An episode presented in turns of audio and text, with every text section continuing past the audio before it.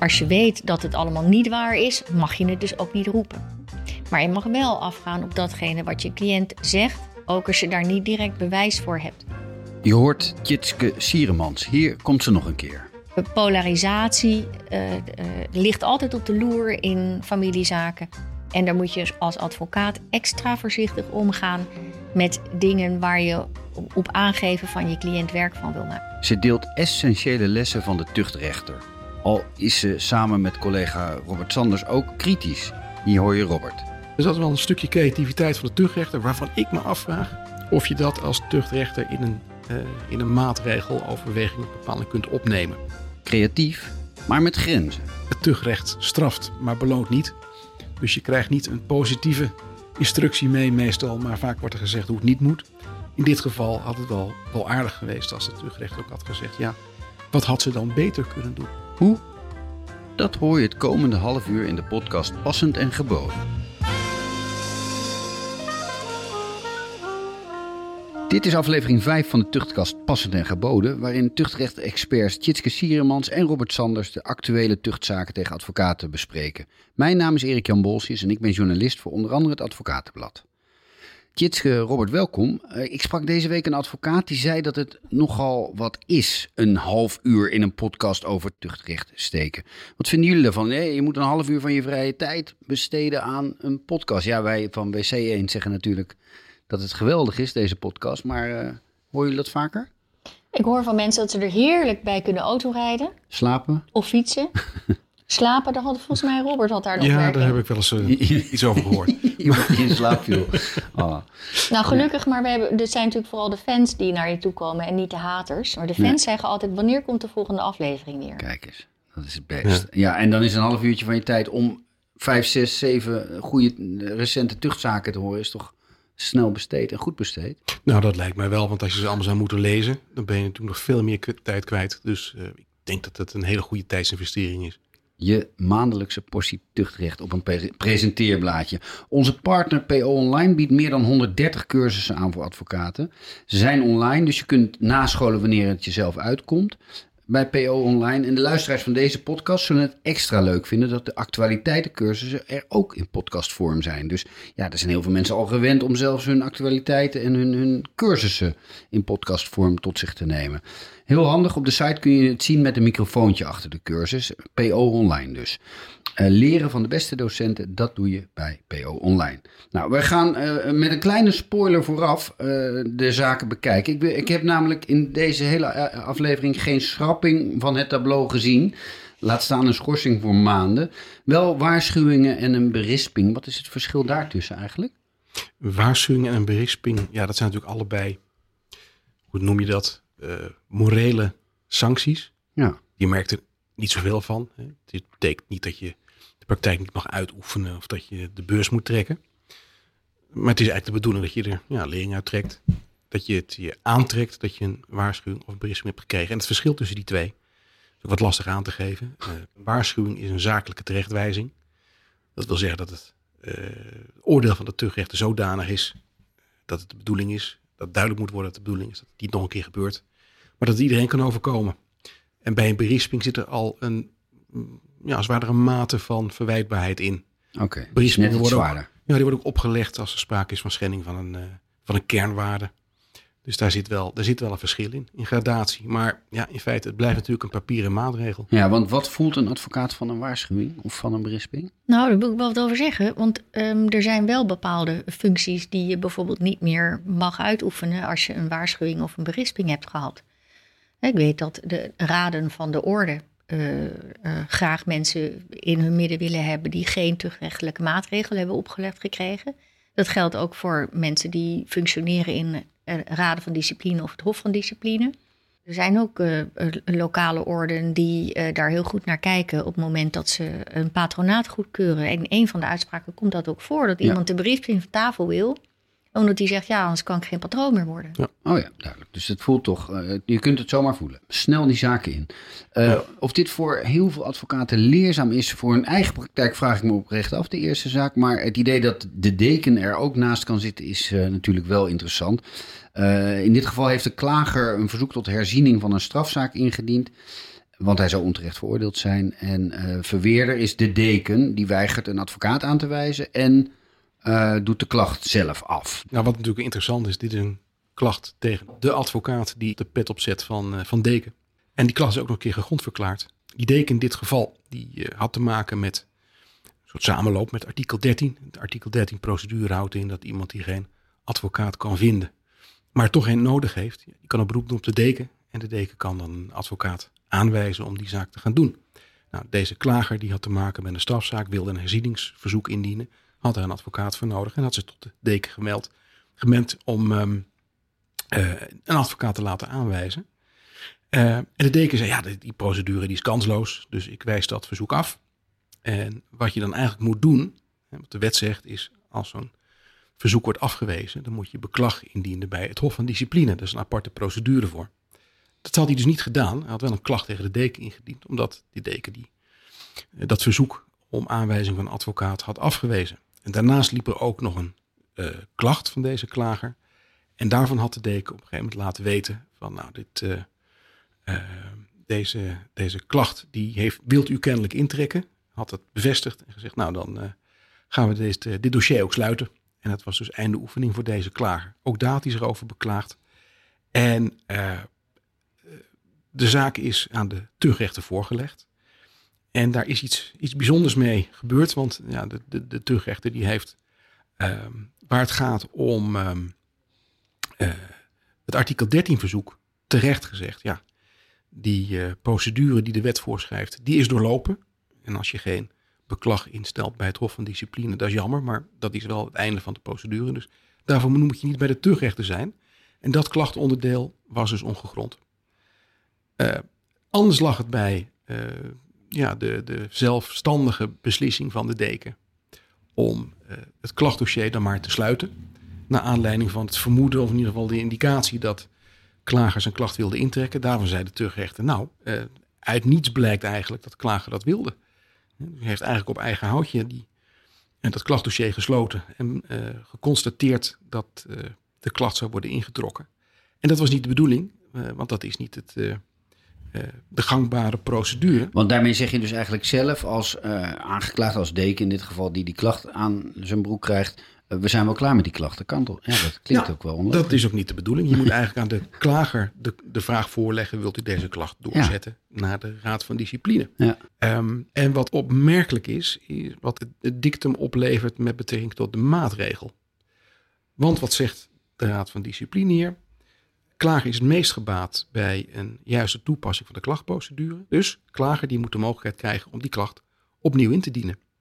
En dat is bijzonder, want de, tucht, eh, de tuchtrechtspraak is geregeld in de wet. Daar is ook geregeld welke maatregelen kunnen worden opgelegd.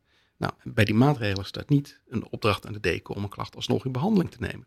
Oké. Dus dat is wel een stukje creativiteit van de tuchtrechter, waarvan ik me afvraag of je dat als tuchtrechter in een, in een maatregel, overweging of bepaling kunt opnemen. Dat is eigenlijk een soort zelfbedachte maatregel. Ja, ja. En daarbij is vervolgens dan gezegd, nou ja, eh, dat is eigenlijk het belang van klager, dat is gediend. En dan is het opleggen van een maatregel aan de deken verder niet opportun. Het is bijna een soort voorwaarde.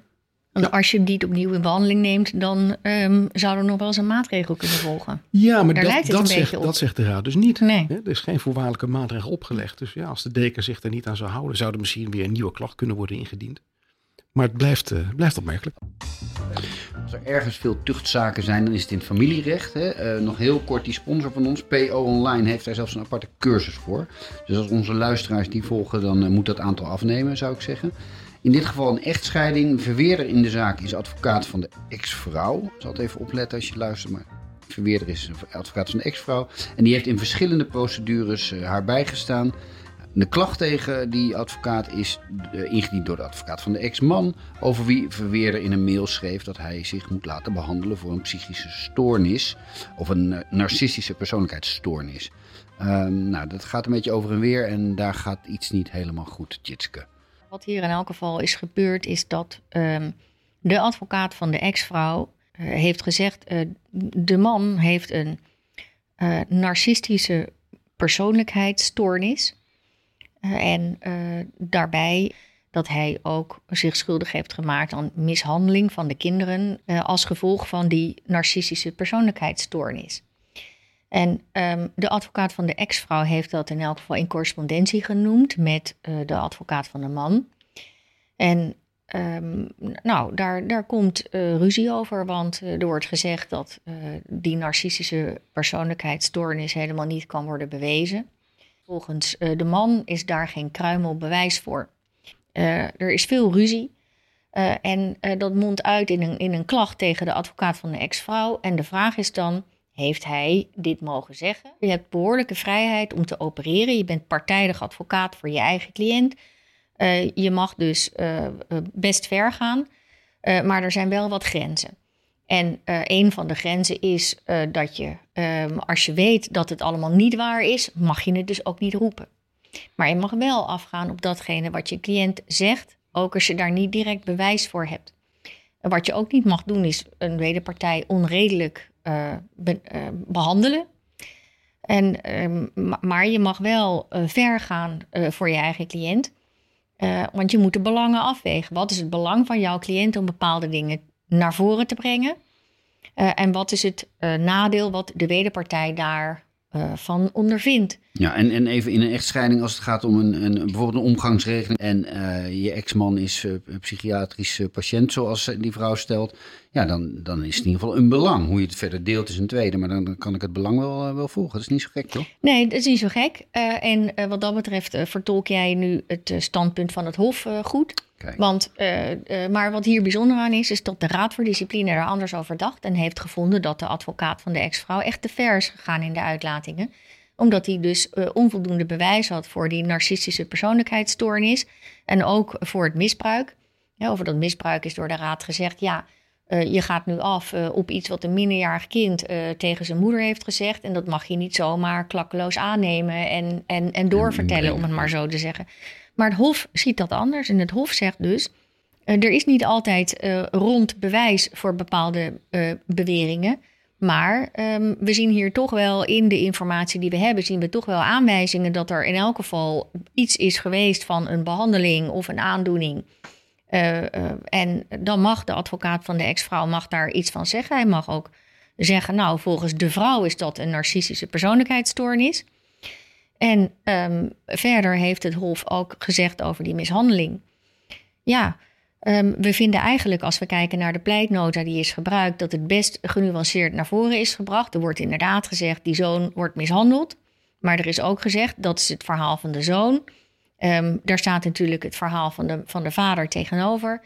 En, en kiest u maar, maar dit is in elk geval in het belang van mijn cliënten, want die maakt zich zorgen over haar kinderen. Ja. Ja, en uh, wat ik wel interessant vond daarin, het Hof stelt ook dat er een verschil is tussen uitlatingen van de advocaat zelf en die van de cliënt, die door hem naar voren zijn gebracht. Je kunt natuurlijk als advocaat iets beweren, maar als je zegt, ja, mijn cliënt zegt, dan is het toch al anders? Ja, als je dus weet dat dat niet waar is, of als het uh, te ver gaat, echt onnodig grievend is, uh, of voor jouw eigen cliënt eigenlijk niets, niets opbrengt, alleen maar vertroebelt, de zaak vertroebelt en dan, dan moet je er vanaf blijven. En zeker uh, zegt het Hof hier weer opnieuw, en de Raad ook, uh, polarisatie uh, ligt altijd op de loer in familiezaken. En daar moet je als advocaat extra voorzichtig omgaan met dingen waar je op aangeven van je cliënt werk van wil maken. En de les van deze zaak is dus namens het Hof heeft deze advocaat uiteindelijk geen berisping, nog waarschuwing, nog, nog maatregelen nee. opgelegd. Uh, omdat? Omdat uh, deze advocaat in het kader van de partijdigheid voor de ex-vrouw uh, zaken naar voren heeft gebracht die van belang waren en het ook niet op een manier heeft gedaan die te ver gingen. Ja. ja. Een volgende zaak is een wat kortere. Het gaat om een veroordeling in de proceskosten van 720 euro, we hebben het over. En die wordt in twee delen door de deurwaarde-aanklager betekend. Wat heeft de advocaat die dat voor elkaar wilde krijgen bezield? Nou, dat vertelt het verhaal niet. Uh, in elk geval uh, had de advocaat er geen vertrouwen in dat uh, de klager die veroordeeld werd in die proceskosten van 720 euro, dat hij dat uit eigen beweging zou gaan betalen. Die heeft het vonnis laten betekenen met bevel tot betaling. Dat is niet helemaal goed gegaan, want hij heeft het eerst voor een veel te laag bedrag gedaan. En nou, er is nog een tweede betekening geweest voor het volledige bedrag. En ja, uh, deze, uh, deze man die die proceskosten moest betalen, die klaagt erover. Want die zegt, ja, Als u mij een e-mailtje had gestuurd of een briefje had geschreven, had ik gewoon die 720 betaald. En dan had ik niet die extra kosten gehad. Voor die deurwaarder. Ja. En, en nou, de advocaat voert een wel interessant verweer, want die zegt: eh, luister, het klopt wel dat ik eh, dat mijn gedragsregels mij voorschrijven dat ik eh, doelmatig moet procederen.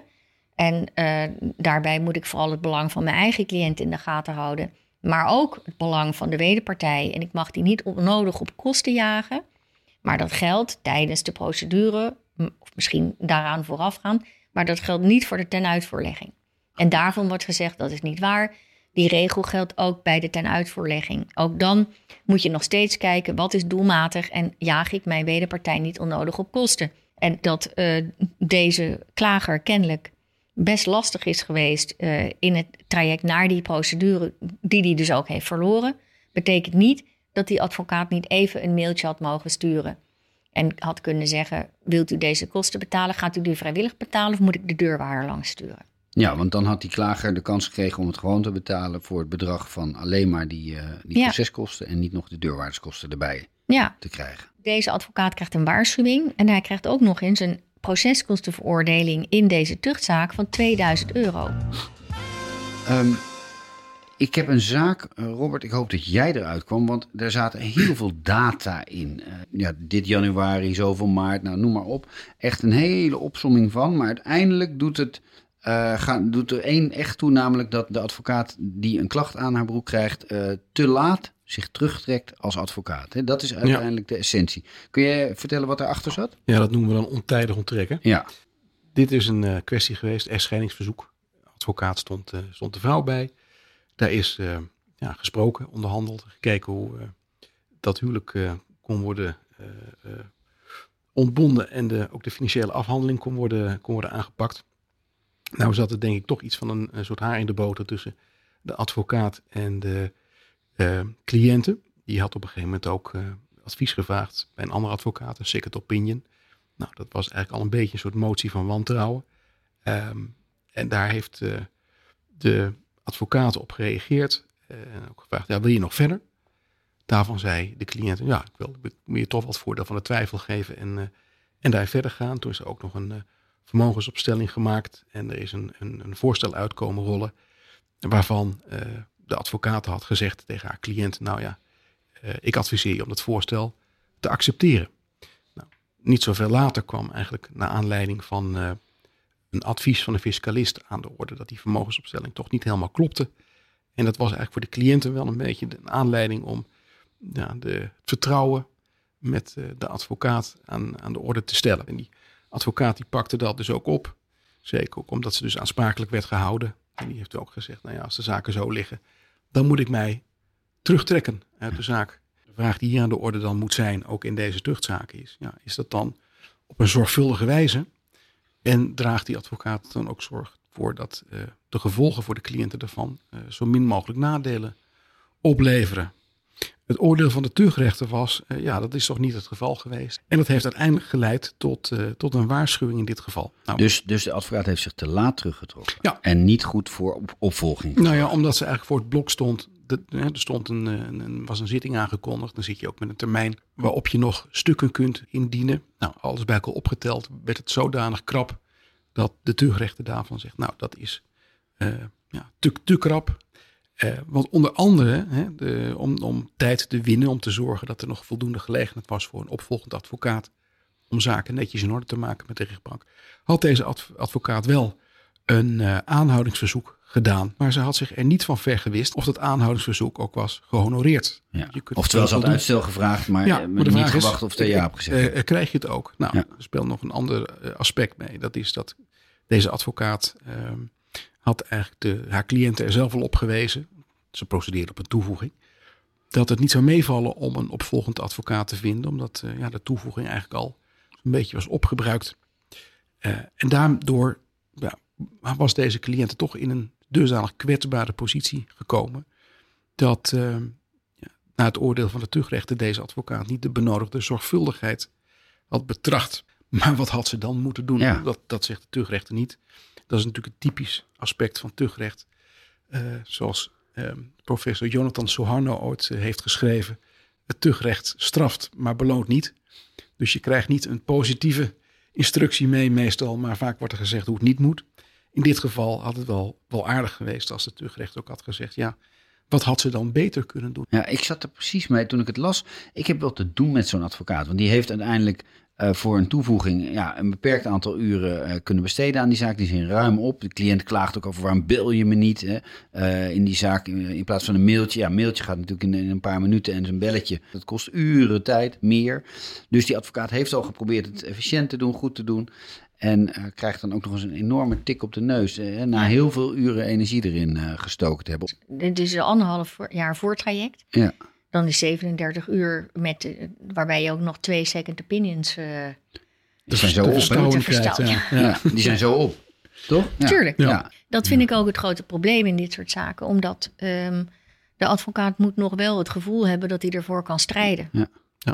Nou ja, en, en je zou kunnen zeggen, nou dan had ze misschien na die eerste second opinion al moeten zeggen, nou ja, als jij kennelijk zo uh, onvoldoende vertrouwen hebt in, in mijn aanpak, dat je, dat je een second opinion vraagt, ja, dan denk ik dat ik niet de geschikte advocaat ben om deze zaak te doen. En, en dan was het dus al tijd. veel eerder kunnen, kunnen, ja, kunnen onttrekken. Dan was het op tijd geweest. Ja.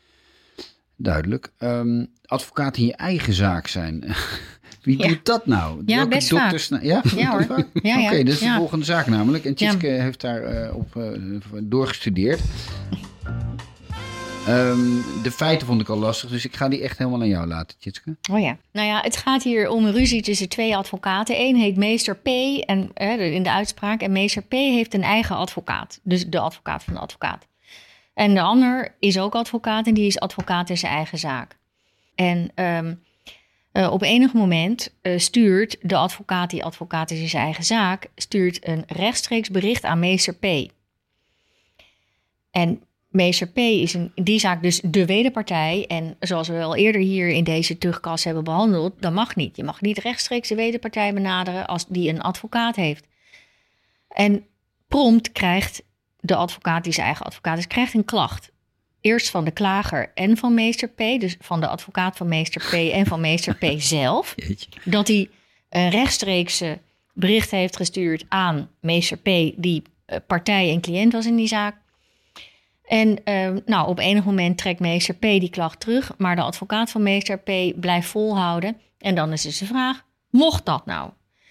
En de advocaat, die advocaat in zijn eigen zaak, zegt, ja, dat mag, want ik ben in deze zaak weliswaar advocaat van mijn eigen zaak, maar ik trad hierop als partij, als mijn cliënt. En dan gelden die regels niet. Dat dus die niet... cliënten onderling kunnen wel communiceren? Ja, cliënten ja, ja. onderling mogen naar een bel communiceren. Maar die vlieger gaat niet op. De raad zegt, he, de regels gelden voor advocaten ook als ze in een andere hoedanigheid optreden. Blijf je advocaat en moeten de regels worden nageleefd. Maar in dit geval is er dan toch een ontsnapping voor deze advocaat, omdat uh, in de eerste plaats die regel is er om mensen niet te overvallen. Er staat overrompelen, staat er in de uitspraak. Hè? Je mag als advocaat mag je de wederpartijen zelf in persoon niet overrompelen met een voorstel of iets. Vorige keer hadden we dat uh, een praatje op de gang. Dat mag niet. Um, en um, in deze zaak had op een gegeven moment de advocaat van meester P ook gezegd, ook tegen de rechtbank, nou, meester P mag rechtstreeks benaderd worden en die komt zelf naar de zitting om zelf het woord te voeren. Met andere woorden, meester P werd op een gegeven moment ook advocaat in zijn eigen zaak. En in die omstandigheden kan het rechtstreeks benaderen van meester P uh, niet als verwijtbaar worden beschouwd. Klaar. Maar dat was Klaar. wel langs het randje. Want Ja, Ik vond dat zelf eigenlijk best wel ja, heel, heel, heel, een hele strenge aanleg van, uh, van deze maatstaf. Want ja, uiteindelijk, uh, zoals de raad ook zelf zegt, het gaat erom dat je voorkomt dat een, een wederpartij, een argeloze wederpartij, wordt overrompeld zonder bijstand van de eigen advocaat. Om vervolgens eigenlijk in, dat, in diezelfde overweging te zeggen, ja, was eigenlijk niet zo'n probleem, want meester P is natuurlijk zelf advocaat. Dus ja, om dan, dan langs die weg die maat, uh, maatstaf zo streng aan te leggen en tegelijkertijd te zeggen, ja, deze advocaat is natuurlijk zelf ook advocaat, die kent het klappen van de zweep. Dus in hoeverre is er nou echt gevaar voor overrompeling? Dat, dat vond ik een wonderlijke combinatie van. Uh, maar even, het zijn ja. allemaal advocaten onderling. Dus je, hebt toch gewoon, je weet toch gewoon dat je die toga ook aan hebt als je hem niet aan hebt. Ja, maar advocaten zijn ook mensen. En nou. het kan dus zijn dat jij als Het kan dus zijn, ik ga gewoon door. Het kan dus zijn dat jij als mens eh, misschien niet het juiste overzicht hebt over je eigen zaak. Dus als een advocaat eenmaal een eigen advocaat heeft, vind ik dat je niet meer rechtstreeks naar de advocaat in kwestie mag gaan. Nou ja, dit, nou goed, ik bedoel, we hebben de, tuchtrechter spreekt, hè? Ja. Maar ik vind Nee, dit ik- wel een punt. Ik ben dat graag, ik ben dat graag met je eens. Hè. Ik, eh, ik kon dat moeilijk, eh, moeilijk rijden mezelf. De klacht wordt hier ongegrond verklaard, maar ik vind zelf dat eh, de advocaat die zijn eigen advocaat was, niet rechtstreeks naar meester P had moeten gaan. Over overrompelen gesproken. De laatste zaak die we bespreken voordat we naar de column van Tjitske gaan. Is een zaak over in- een inbreuk op een intellectueel eigendomsrecht. En tijdens de mondelinge zitting laat verweerder onaangekondigd, hè, overrompelend, een geluidsfragment horen. Ik denk ja en. Maar dat was niet waar. Dat was wat. Ja, de tuchtrechter zag dat toch anders. Ja. Ehm, ja, wat was er aan de hand? Een zitting bij eh, de voorzieningenrechter. En een van de beide advocaten, eh, maak ik op uit deze casus, ja, die overviel eigenlijk zowel de voorzieningenrechter als de wederpartij. Door op een afspeelknopje te drukken en een geluidsfragment te laten horen. Het ging over kopiëren van software, als ik het goed heb gelezen. Intellectuele eigendomszaak. En eh, nou, de voorzieningenrechter maakte er eigenlijk niet zo'n punt van dat dat geluidsfragment eh, werd, eh, werd ingebracht. Maar de advocaat van, van de wederpartij die zag dat anders. En die stuurde ook aan op het afgeven van dat stuk na de zitting. Eh, daar is heel veel over gediscussieerd in, de mail. Ja, die mail is echt leuk om te lezen. Ja, Als dat- mensen de, de, de uitspraak erbij pakken. Dat is een, ja, ik vind De- het een geinige mailwisseling. Er volgde een hele uitgebreide mailwisseling over weer tussen deze twee advocaten. En waar het uiteindelijk, wat betreft deze advocaat, op, ehm, eh, op, op verkeerd liep. In de zin dat, dat de tuchtklacht gegrond werd verklaard. Is dat ehm, deze advocaat duidelijk liet merken dat hij er bewust was gekozen om het geluidsfragment niet op voorhand aan te kondigen. Juist om het risico te vermijden dat eh, de, de, de advocaat wederpartij, de klager in dit geval, daar bezwaar tegen zou maken. En daarmee heeft hij eigenlijk gewoon het procesdossier wel bewust gefrustreerd. Daar komt bij dat hij dus ook nog eens een keer heeft verzuimd om het geluidsfragment eh, onverwijld en vooral onvoorwaardelijk aan eh, de advocaat van de wederpartij te verstrekken. En daarmee zegt uiteindelijk het Hof in hoge beroep, is de kernwaarde integriteit in het geding. En ja, dan zit je met een kernwaarde die is geschonden. En dan wordt er gelijk doorgeschakeld naar, eh, naar een berisping. Dan hebben we nog een eh, klassieker. Dat is leuk om eh, mee af te sluiten. Eh, daar is een column over geschreven door Tjitske. En die klassieker gaat over een tuchtklacht tegen accountants bij de accountantskamer. We hebben een advocatentuchtrecht podcast. Maar toch gaat het ook over accountants hier. En Tjitske legt uit waarom. Het gaat over geen zwijgrecht in het tuchtrecht. In het land van de accountants is de laatste tijd ophef over het optreden van het Openbaar Ministerie. Die zou volgens sommigen steeds vaker eerst het tuchtrechtelijke pad willen aflopen in zaken waarin ook strafrechtelijke vervolging denkbaar is, of zelfs al is ingezet. Waarom die voorkeur voor het tuchtrecht?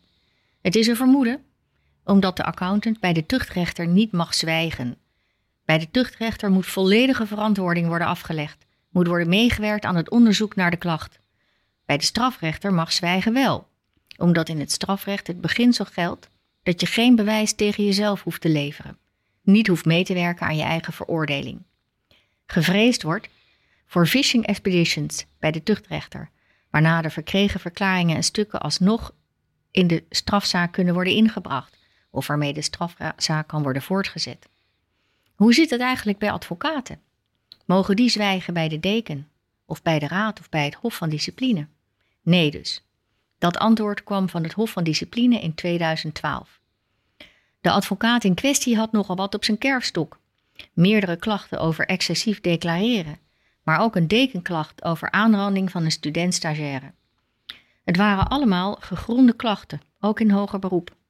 Maar de advocaat vroeg herziening omdat volgens hem fundamentele rechtsbeginselen waren geschonden. En één daarvan was zijn zwijgrecht, als dus de, al dus de advocaat. Aan de advocaat was de cautie niet gegeven. Geen waarschuwing dat alles wat hij zei of aan stukken overhandigde tegen hem gebruikt kon worden. En het was allemaal wel tegen hem gebruikt. Het Hof maakte korte metten mee. Het klopt dat er geen cautie was gegeven.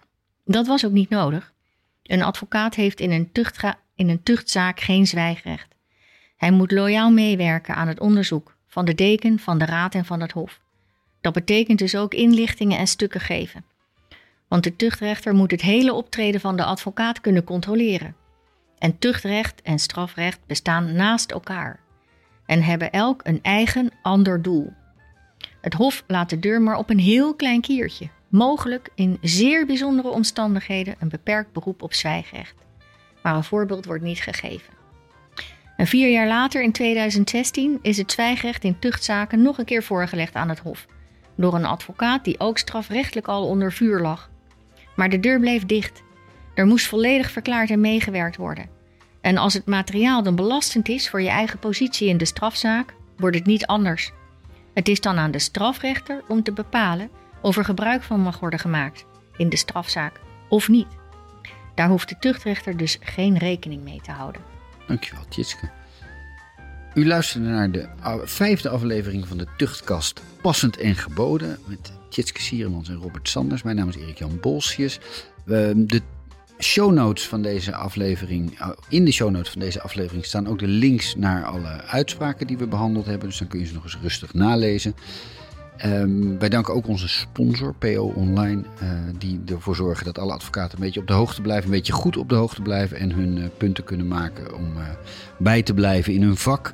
Het jaar loopt al een beetje naar het einde, zo na de zomer. Dus zorg dat je erbij blijft en dat je je punten haalt. En schrijf je in bij PO Online en dan weet je zeker dat je op de hoogte blijft van, van alles wat nodig is om je vak goed uit te oefenen. Dank voor het luisteren en tot een volgende keer.